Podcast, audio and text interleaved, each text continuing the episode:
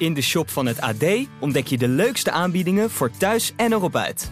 Ga samen op mini-vakantie, beleef dagjes en avondjes uit of scoort de gekke producten. Wacht niet langer en bezoek vandaag nog ad.nl/slash shop. Beschik jij over de meeste voetbalkennis? Speel mee met het WK-spel en stel je kennis op de proef. Daag je vrienden, familie of collega's uit in een vriendenleague en maak kans op geweldige prijzen. Ga naar ad of jouw regionale titel.nl slash WK-spel. I believe that we can come an end. Dit is de AD Voetbal Podcast met Etienne Verhoef. Spanje exit en feest in Marokko. Ronaldo ook bij Portugal op de bank. Vertrouwen bij Oranje en Bas gaat gewoon voor de camera. Dit is de AD WK voetbalpodcast van 7 december met Maarten Wijfels. Ehm, waar wil je eigenlijk beginnen met alles wat we gezien hebben? Waar wil je beginnen? Ja, het, het, was weer een, het was een, weer een heerlijke dag uh, in allerlei opzichten. Dus um, we, hebben, we hebben tijd tekort waarschijnlijk. Laten we snel beginnen. Nee, we, we moeten beginnen. Kan niet anders met de penalty van Hakimi. Ja. Die Marokko, historische prestatie, kwartfinale, WK. En waarom? Um, hij schoot hem door het midden. En ik zag een tweetje van Gary Lineker voorbij komen. En die zei van zo, hè, zo van, wat dan heb je ballen als je dat durft. Maar weet je, de beslissende penalty, als jij je land zeg maar in een penaltyreeks uh, naar de overwinning kan schieten, altijd door het midden. En weet je waarom? Um, het, is niet uh, dat ik hier de wijsneus uithang, maar um, terug naar het WK 86 speelde België tegen Spanje. En uh, die, kom, die kwam ook in die situatie. En Leo van der Elst, die, uh, die nam toen de penalty voor België. En er was ook een schitterend filmpje daar wel over opgenomen. En ze vroegen aan Leo van, ja, Leo, hè, waarom, waarom nam je hem nou... Want die, die hem werkelijk door het midden van de goal binnen. En toen zei ze, en toen zei, waarom? En toen zei hij, ah wel ja, zei hij, als je er een patat op geeft, die keeper die zal altijd naar een hoek gaan. Hè? En dus die zei altijd op midden. En toen uh, Rick de Sadeleer, de, de, de bekende Belgische commentator, uh, tijd overleden inmiddels. Maar die zei ja, um, die ontleden dat eigenlijk heel, heel, ja, eigenlijk heel simpel, vind ik. Zeker als je keeper van een groot land bent en, en je staat op rand van uitschakeling. En dan neemt iemand een penalty. En jij doet niks. Dan zal jouw landgenoten en jouw ploeggenoten en, heel jouw, jouw, jouw, die het voetbal in jouw land volgt, die zal zeggen: Ja, maar wat ben jij voor een zoutzak? hey, we staan op rand van uitschakeling en je doet niks. Dus die keeper die zal altijd een hoek kiezen om in elk geval de indruk te hebben gewekt van hé, hey, ik heb er alles aan gedaan. En als nemer, ja, je kunt er altijd van uitgaan. De keeper zal iets doen, want die wil niet die zoutzak zijn. Dus schiet hem vooral door het midden. En die Hakimi, ja, die heeft wel dan tegenwoordigheid van geest dat hij het dan zo doet. En die deed het dan met een, met een, hè, met, met een, met een, met een panenka. Ja, dat kan ook. Je kunt het zoals Leo van der Elst doen. Als je er een patat op geeft, gaat hij binnen. Of je doet het zoals Hakimi met een mooi stiftje. Maar door het midden dus. Dat is ook theoretisch bewezen. Gewoon in data dat de laatste strafschop altijd door het midden eigenlijk veel beter is dan een hoek kiezen. Ja, nou ja, dat, dat zou ook nog kunnen. Maar ik vind het wel leuk om gewoon de praktijk dat mannen die dat ja, die dat, die dat blijkbaar, hè, want Leo van der Elst, die, die zal er geen statistiek op nageslagen hebben in die tijd. Dus ik vond het een prachtig moment. En ja, er, er was zoveel moois deze dag. Eh, sowieso natuurlijk de plaatsing van Marokko. Ja, Spanje. Ja, weet je. 77% balbezit in Spanje. 77%. Ja, uh, meer dan duizend passes. Maar het, het is het, het beste voorbeeld van waar we het nu eigenlijk al de hele tijd over hebben het, het gaat er niet meer om dat je heel mooi die bal kan rondspelen en, en dat je dat met, met, met, met, met allerlei driehoekjes en weet ik veel wat allemaal doet. Het gaat erom dat je, dat, je, dat je effectief bent en dat je de urgentie ook in het spel hebt. En Spanje, die hebben de urgentie helemaal niet. Eén doelpoging geloof ik, het al die... Um, uh, in de eerste helft. Ja, in de eerste helft één die... doelpoging, ja. En dat is, uh, het Marokko had geloof ik drie of zo. Ja. Al die, al die acties en ja, dat, dan levert het niks op. En um, ja, Marokko, ja, mooi. Dat, dat, dat zijn nou de mooie verhalen natuurlijk. En vervolgens was het nog niet klaar, hè? Want dan ging Portugal spelen. Ja. Ronaldo op de bank. Ja, maar Portugal, eh, we hebben er meteen een WK-favoriet bij, hè? Vind je? Omdat, omdat Want, ze Ronaldo op de bank zetten? Nee, maar omdat we, weet je nog, we hebben voor het WK een podcast opgenomen waarin we ook een, Portugal eens langs de lat legden. Die speelde toen tegen Spanje. Toen verloren ze heel ongelukkig de laatste wedstrijd in de Nations League. Mm -hmm. Dat is een strakke organisatie. Dat, dat is fel verdedigen op de bal. Altijd druk op de bal op eigen helft. En altijd wel een paar geweldige individuele spelers die het dan voorin beslissen. En Ronaldo had dat natuurlijk ook. Alleen, ja, het is blok aan been geworden. Want je kan in het voetbal niet meer met, met één speler die helemaal niks doet. In het meeverdedigen, daar, kom je al bijna niet meer mee weg. Dus die coach, ja, Fernando Santos, toch moedig dat hij hem daarnaast heeft gezet. En, en dan zul je het altijd zien, dat zijn vervanger, die, die stal de show, hè. Ja. Die Gonzalo Ramos, ja, die maakte die eerste goal. Werkelijk fantastisch. Daar is in, in, zeg maar in het groepsproces, in, in, in de pickorde, ja, daar, daar gaat, is een heleboel gaande bij Portugal. En als ze dat op een manier gemanaged krijgen, dat of Ronaldo legt zich erbij neer en brengt toch positieve energie in dat team, dan, dan hebben ze echt een goede kans om heel ver te komen.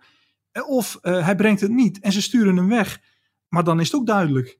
Dus linksom of rechtsom is, is, daar, is daar iets gebeurd nu wat, wat dat elftal, uh, dat, dat, dat, dat, ja, dat, dat, dat, is, dat stroomt, dat, dat is aan de gang. En um, ja, heel, heel mooi om te zien. Het, doet, het deed mij een beetje denken aan de situatie van uh, Ten Hag bij United. Uh, toen hij Ronaldo passeerde na het hele gedoe, dat hij straftraining ook kreeg. Dat hij bij, en dat die ploeg van United ineens keihard ging werken met elkaar en dat ze een team vormden weer. Ja, maar zo is het. En, en en Portugal was volgens mij al wel, wel, wel, wel de teamgeest is daar altijd wel oké. maar uh, Ronaldo heeft niks te zeggen nu. Hè? Ik bedoel, als je op de bank wordt gezet en het loopt dan zo vervolgens, dan, uh, ja, dan ben je echt even klaar. Dan kun je niet naar, uh, hoe heet die, die man, die Piers, Piers Morgan of zo. Ja. Dan kun je niet gaan uithuilen dat Fernando Santos er ook niks van begrepen heeft. Dus dat, dat, gaat wel dat gebeuren natuurlijk. Dat gaat gebeuren. Die gaat zit binnenkort bij Piers Morgan. En dan zegt hij in Assad, nee, natuurlijk bij in Saudi-Arabië, ja. nodigt hij uit.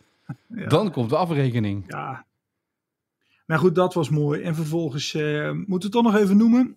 Uh, oud ploeggenoot van mij, waar ik mee gespeeld heb. Um, Robin van der Hulst. Die, die kaartte dat een tijdje geleden al aan. Dat uh, Hein van Hazenbroek, mm -hmm. de Belgische trainer, die had gezegd dat er dit WK maar twee topcoaches zijn. Dat is dan Louis van Gaal en Luis Enrique. En er was ook een tweetje over verstuurd. En ja, nu ligt dan, als je die theorie wil volgen, ligt er één coach ligt eruit. Dus er is er nog maar één over. Waarbij me toch wel afvraag, dit toernooi, Luis Enrique, pff, ik vond dat toch niet meevallen. In de zin van... Nou ja, die eerste wedstrijd was toch fantastisch, Maarten, die 6-2, kom op. Ja, maar wat was dat? Maar dat zegt toch niks? Nee, maar het, was toch niet mooi om... voetbal? Het was toch Australisch voetbal? Ja, maar begin je nou ook al? Ja, maar hoogstrijd voetbal is alleen maar leuk als, als het effectief is. Ja, tegen die wedstrijd. Maar voor de rest, het werd op een gegeven moment gedaan alsof, die, alsof het een soort masterplan was om dan tweede in die groep te worden. Maar kom eens op, hé. Uh, wat dat betreft is mooi dat ze er nu uitleggen. Maar Luis Enrique wist op een gegeven moment echt niet meer wat er nou aan de hand was met Spanje. Die had de scenario's helemaal niet in zijn hoofd. En uh, ja, ik hoor dat ook wel van, van, zeg maar, van professionele trainers terug. Die, die vonden dat allemaal maar heel raar hoe dat bij Spanje ging. Dus om nou te zeggen dat deze man um, zich bewezen nu heeft als topcoach in dit toernooi, dat kunnen we toch niet zeggen. Nee, dus, maar ik vind het ook een beetje... Iedereen heeft van tevoren gezegd... Spanje bij de kwartfinalisten, halve finalisten... iedereen Spanje uitgeroepen tot een van de favorieten van dit toernooi. Ook mede op basis van het spel, de laatste uh, wedstrijden. Dat iedereen dat zei. Ja, maar wie is iedereen? Ik, ik, ga, ik ga niet zeggen van... Dat, dat, dat, ik, ik, want wij hebben er volgens mij niet over gehad. Dus zo bedoel ik het niet. Maar, maar je zag toch in die Nations League wedstrijd die we bespraken al... zag je al dat Spanje... Ja, Spanje voorin ja, dat, dat is natuurlijk al, al, al lange tijd is dat, is dat moeilijk. Ja. Die hebben geen... Geen echte spits, geen, geen afmaker, echte, nee. Nee, dat, dat hebben ze niet. En, en achterin, ja, is het nou ook niet dat je zegt, uh, het is de Berlijnse muur. Dus uh, ik, ja, ik weet het niet ik had daar niet, nou niet meteen van, oh, dat moeten we nou hebben. Spanje is de te kloppen ploeg of zo. Dat, dat, dat vond ik vooraf niet. Maar we hebben het er niet over gehad hoor. Dus het is niet van, zie, zie je eens even een gelijk halen of zo, helemaal niet. Nee, uh, ik moet wel even zeggen, ik kreeg ook nog wel een aardig bericht binnen, binnen uh, van Mark. En die zei, van alle kwartfinalisten uh, hebben alleen Nederland en Engeland nog niet verloren of achtergestaan op dit WK. Wat betekent het voor de dynamiek, de tactische aanpassingen en mentaal bij Oranje als Messi zometeen Argentinië op een 1-0 voorsprong zet? Want dan ontstaat er een situatie die Nederland lange tijd niet heeft ervaren. Sterker nog, de laatste keer dat Oranje achter stond was op 11 juni in de Nations League tegen Polen. 2-0 achter, toen werd het 2-2. Oftewel, inmiddels 660 minuten, 11 uur lang mm. heeft Oranje niet achtergestaan in wedstrijden. Ik vind het een hele interessante en goede observatie, goede vraag. Dat weten we inderdaad niet. En dat was bijvoorbeeld in 2014, was dat misschien wel ja, het geluk ook voor Van Gaal dat het gebeurde. Eerste wedstrijd Spanje, 1-0 achter. Tweede wedstrijd Australië. Werd het 1-0 voor Australië of werd het 1-1? Da daar wil ik vanaf zijn. Maar een geweldige goal van Cahill toen. Mm -hmm. achtste finale Mexico, Mexico voor hè. Ja. En pas in de, diep in de tweede helft werd het gerepareerd. Dus toen hebben ze wel een paar keer ervaren hoe dat dan is. En nu inderdaad nog niet. Wat betekent dat voor de groepsdynamiek? Ja, dat, dat moet je afwachten. Is er veerkracht na tegenslag? Om het maar in één zin te, te formuleren. Ik, ik denk het wel, maar, maar we weten het niet zeker. Nee, het was trouwens Robben die eerste 1-0 maakte voor Nederland tegen Australië. En toen de 1-1 van Oh, Kegel. wacht, Ja. Ja, en toen werd het volgens En mij... het werd het werd toen 2-1 nog 2-1? voor Jelinak. En toen van Persie en Depay. Ja, zie je? Ja. Ja, oké, dan stonden ze 2 en achter. Nou, Ja. oké, prima. Maar in elk geval ook een achterstand in die wedstrijd. Dus ja, wat dat betreft ehm, eh, moet, moeten we dat inderdaad afwachten. En, eh, maar het zegt wel wat dat het nog niet gebeurd is. Ja, dat zegt iets over dat verdedigend. Dat, dat vertrouwen hebben die spelers wel. Hè. De- Nederland geeft, geeft in principe weinig weg. En ja, Van Gaal is ook deze dagen op weg naar Argentinië alleen maar bezig met de onderlinge afstanden. Afstanden, afstanden, afstanden. Dat moet kloppen. En hè, waar hij 2014 de 15 meter regel had tussen verdedigers onderling en tussen linies, is dat nu naar 10 meter. En dat moet kloppen. En daarom zit er ook elke keer een staflid boven eh, op de tribune, om dat van bovenaf steeds in de gaten te houden. Afstanden, afstanden, afstanden. En dan meteen door te kunnen geven aan de bank. Dus, eh, Want die geeft het tijdens de training door als hij ziet zeg maar, dat de afstanden te groot worden. nee, de, nee, nee de, tijdens de wedstrijd bedoel Oh, ik. tijdens de wedstrijd, ja, altijd precies, ja, mensen, eh, bovenin, omdat, omdat allemaal steeds per vijf minuten of per, ja, ik weet niet precies eh, hoeveel minuten ze kijken, maar steeds dat doorgeven, omdat dat, eh, dat moet kloppen. Je, je was bij Oranje natuurlijk, want vandaag was de dag van Oranje ook. Ja, ik wil net zeggen, de dag was, was niet voorbij, nog niet voorbij, want heerlijk, een gesprek met Andries Noppert. Ja, weet je, je gaat zitten en je gooit er een kwartje in en er komen de meest fascinerende dingen. Want eh, hij, hij liet bijvoorbeeld zijn tatoeages zien.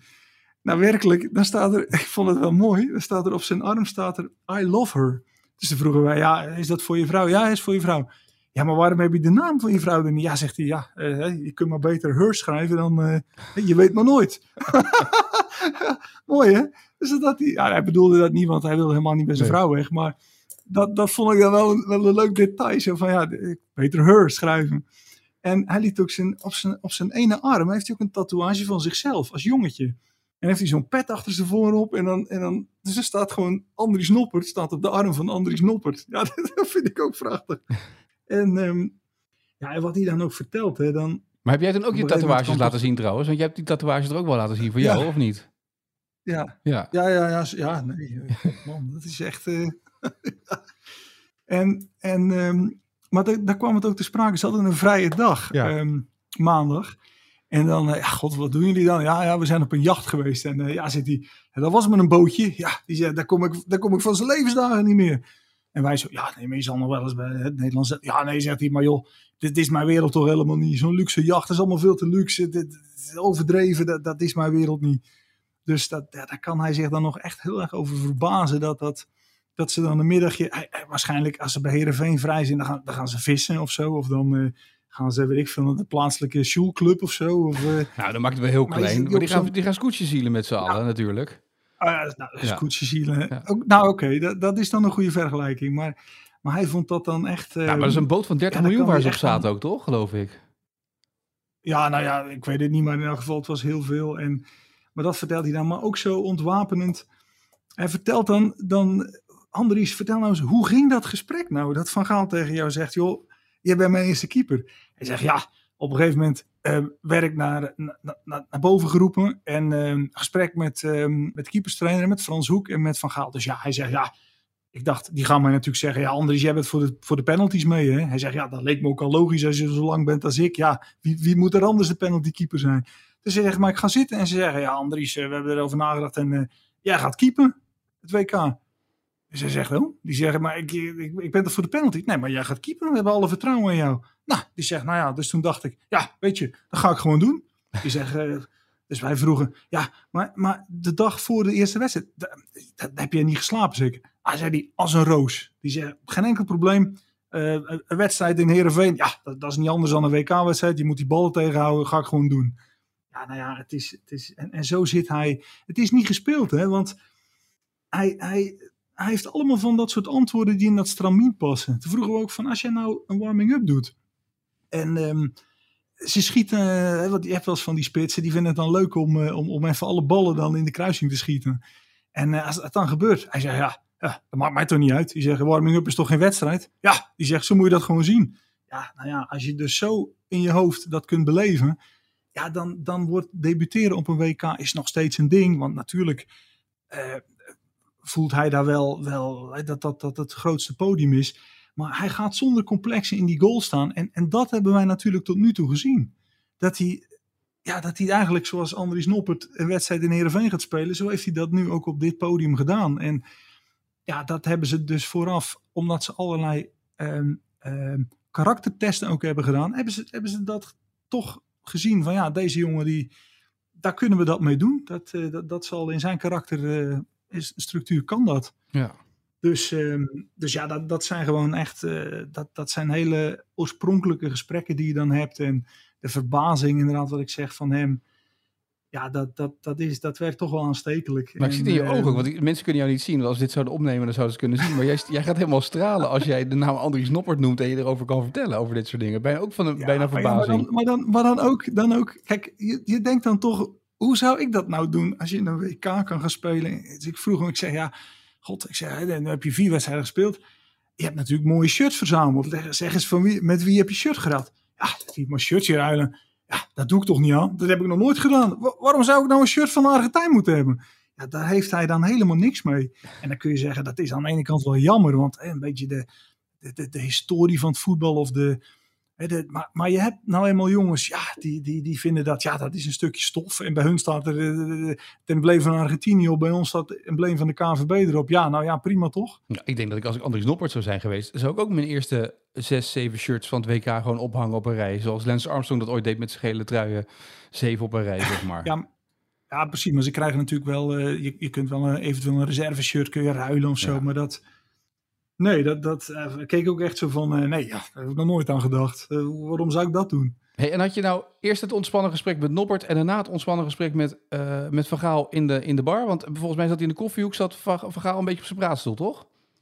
In dit geval moesten we een keuze maken. Mhm. of de bondscoach of met een speler. En dan in de AD-equipe dan hebben we het zo verdeeld dat Sjoerd in dit geval ging een keer bij Van Gaal zitten.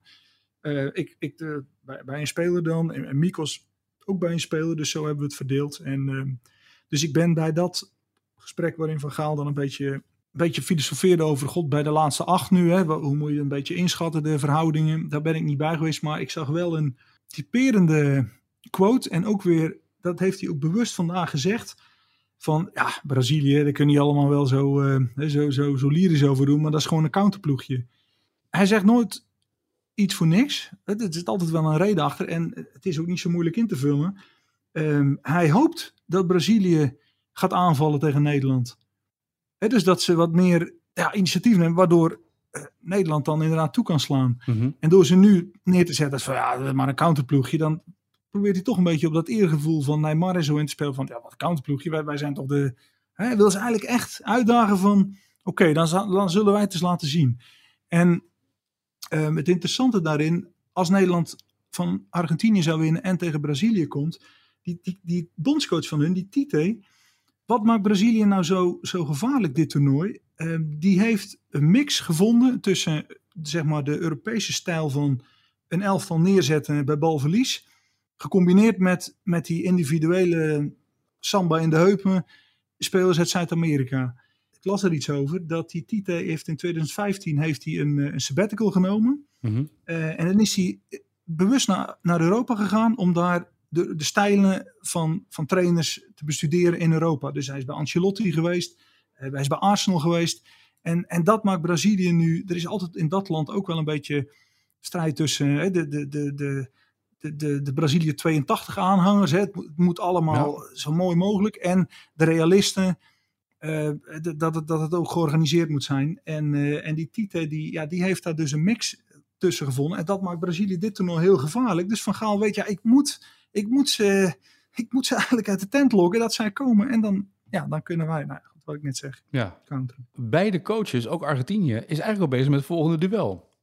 Argentinië roept ook al dat er een, een soort klassico op het, op het menu komt te staan zometeen in de volgende ronde.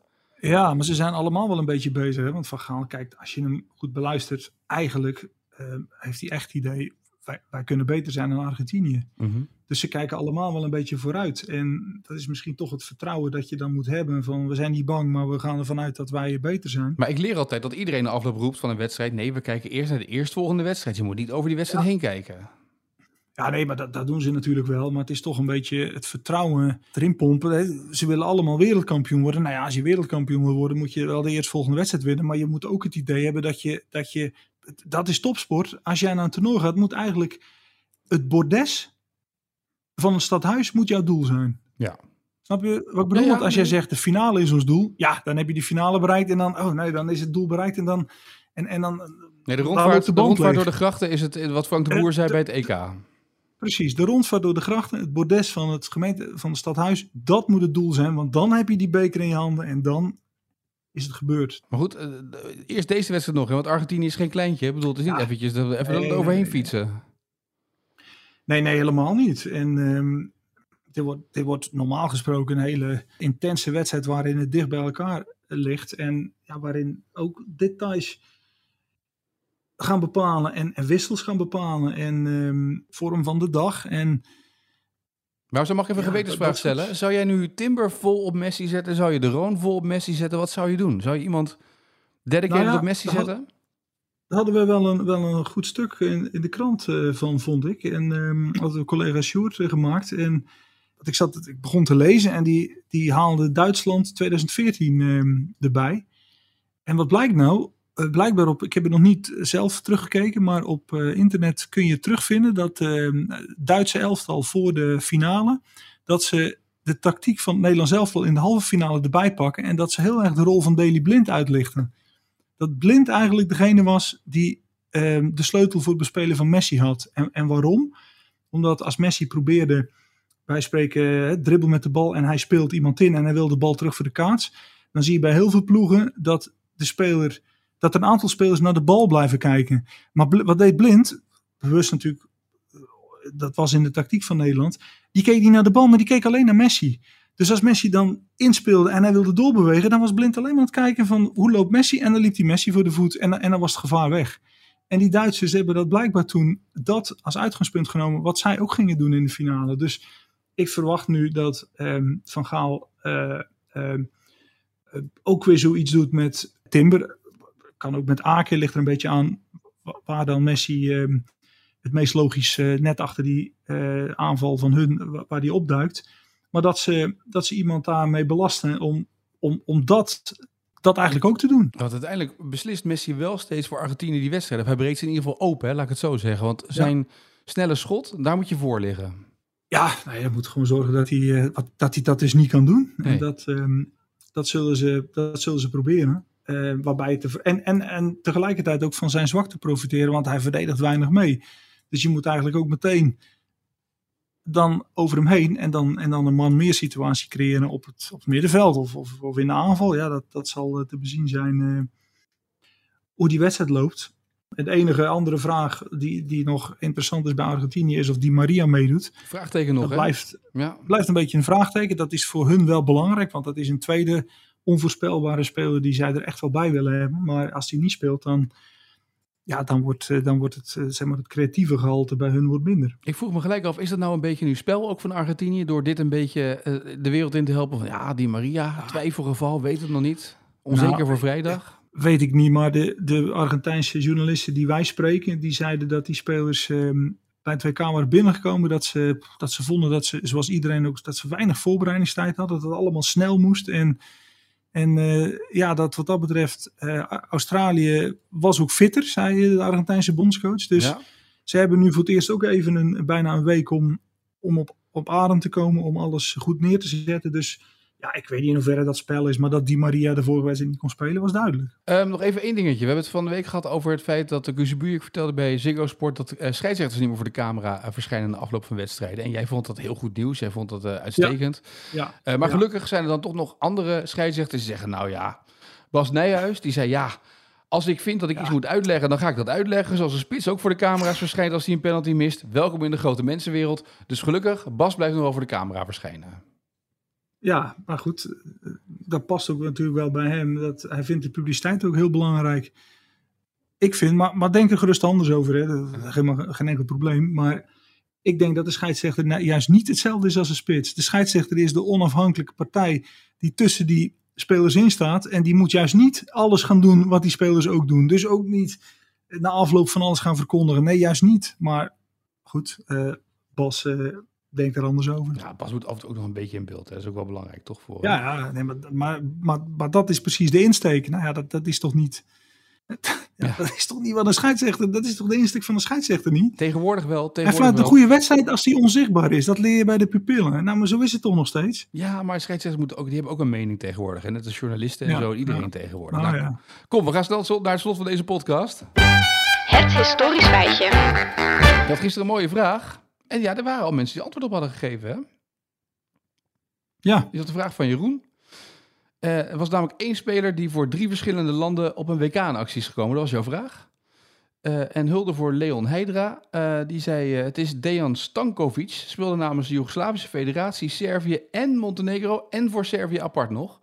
Dus dat was hem toch? zeker. Nu is het weer aan mij, nee, hè? absoluut. Om een Nu vraag is te aan gooien. Ja. Nou, Ja. ik dacht wel een aardige. Ik zag Peppe scoren Ja. bij Portugal. En toen dacht ik, 39 jaar, dat is toch niet Ja. de jongste, hè? Maar hij is niet de oudste natuurlijk. Dus toen bedacht ik mij, wie is nou de oudste doelpuntenmaker ooit op het WK? En in mijn geheugen heb- stond een naam gegrift. Ik heb het even gecontroleerd, maar die klopte bij mij. Ja, precies. Ja, ik denk ook dat ik weet wie het is. Want volgens mij heb ik dat ook opgezocht. Maar ehm, Als die er namelijk niet was geweest, was. Peppe namelijk wel echt de oudste geweest eh, met zijn 39. Ja. De nummer 2 is 37 precies. jaar. Gunnar Gren, eh, Zweden tegen West-Duitsland in het roemruchte jaar 58. En Ja. Blanco voor Mexico tegen Frankrijk in 2010, 37 jaar en 151 dagen. weet, weet je nog wat die deed, Blanco? Waar die bekend om werd? Nee? Nee? Nee? Dat is ook, dat is ook een mooi moment. Dat hij, ik weet niet meer de tegenstander, maar hij pakt, eh, dus hij staat ehm, met, met de bal zeg maar eh, klaar om iemand te passeren. Maar wat doet hij? Hij pakt de bal zo tussen zijn twee benen en hij wipt hem zo over het been van de tegenstander heen en hij dribbelt verder. Moet maar eens opzoeken. Dat Oh. is wel een mooi moment. Ah, Ja. ik even opzoeken nog. Nou goed, Eh, Ja. dus dat, eh, dat is de vraag eh, van, in de, voor vandaag. En dan eh, gaan we morgen gewoon weer verder. Langzamerhand aftellen op weg naar... Hè? Ja, zeker. En eh, ja, joh, dit, is, wat, dit is echt een heerlijk WK dit. Ondanks alles waar het door omgeven is. Ja, En maar ja, nee, joh, maar dat, dat, dat, dat kon niet helder en zo. Ver weg, ver weg. Het gaat over de sport nu. En ehm, er gebeurt een heleboel. En ja, Marokko. Hoe ver zouden ze komen? Ja, ze moeten tegen Portugal trouwens. Dus ze Ja. liggen eruit aan de volgende ronde. Dat ja, wel. dat, volgens jouw berekening wel. Maar ik moet zeggen, dit Marokko kan volgens mij alles nu verslaan. Ah, die keeper ook van hun, hè. Ja. Ja, dat is ook een fenomeen. Dat is, bij Sevilla was dat al een eh, ja, een aparte, aparte verschijning. Dus eh, ja, nee, leuk. Hartstikke leuk. Dus eh, morgen weer verder. Ik heb er zin in. Heel goed, spreek je morgen. Oké.